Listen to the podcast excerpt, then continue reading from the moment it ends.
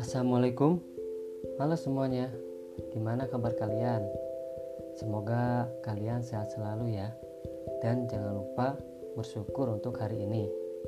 Jadi perkenalkan Nama saya Andrew Ramadan Indrianto Atau bisa disebut Andrew Saya dari TIF RP 20A Jadi di podcast kali ini saya akan membahas tentang pengertian interaksi manusia dan komputer. Dan kenapa kita harus mempelajarinya? Nah, mungkin sebagian orang sudah tahu apa itu interaksi manusia dan komputer. Nah, buat kalian yang belum tahu apa itu interaksi manusia dan komputer, kita akan bahas di podcast kali ini. Oke. Pembahasan pertama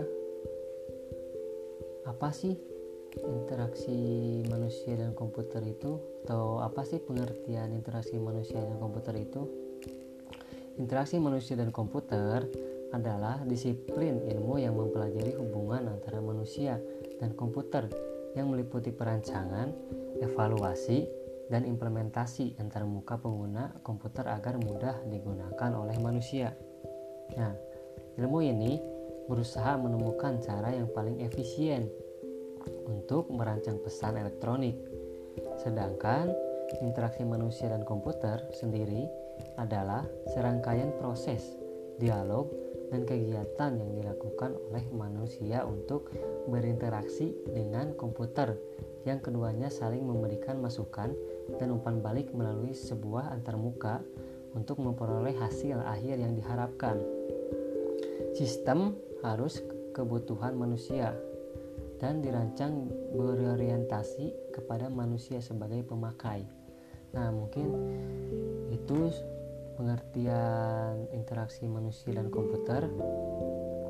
Yang kedua, kita akan membahas komponen komponen dalam interaksi manusia dan komputer yang terdiri dari tiga bagian, yaitu yang pertama ada interface.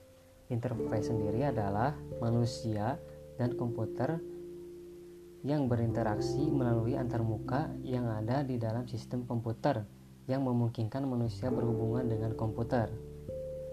Nah, yang kedua ada manusia. Manusia merupakan pengguna user yang memakai komputer atau sistem tersebut di mana manusia sendiri memiliki karakter dan perilaku yang berbeda-beda dengan kebutuhannya dalam menggunakan komputer. Yang ketiga, ada komputer. Komputer merupakan peralatan elektronik yang terdiri dari perangkat keras dan perangkat lunak. Nah, mungkin itu adalah komponen-komponen dalam interaksi manusia dan komputer.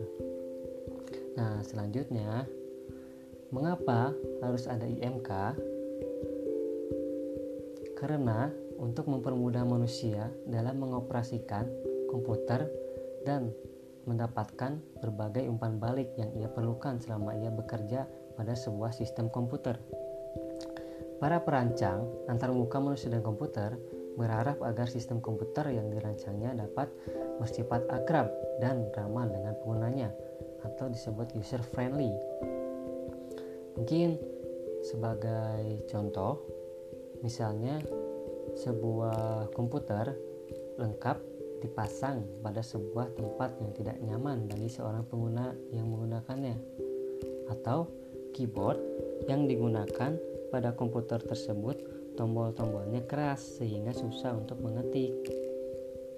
Nah, selanjutnya, kenapa kita harus mempelajari interaksi manusia dan komputer?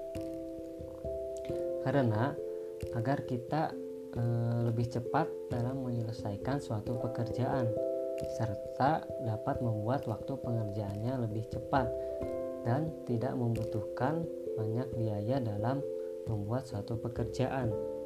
Nah, mungkin itu teman-teman yang bisa saya sharing sama kalian mungkin. Oke, mungkin itu saja penjelasan dari saya tentang interaksi manusia manusia dan komputer. Dari saya semoga bermanfaat untuk kalian dan terima kasih sudah mendengarkan podcast ini. Wabillahi taufik walhidayah. Assalamualaikum warahmatullahi wabarakatuh.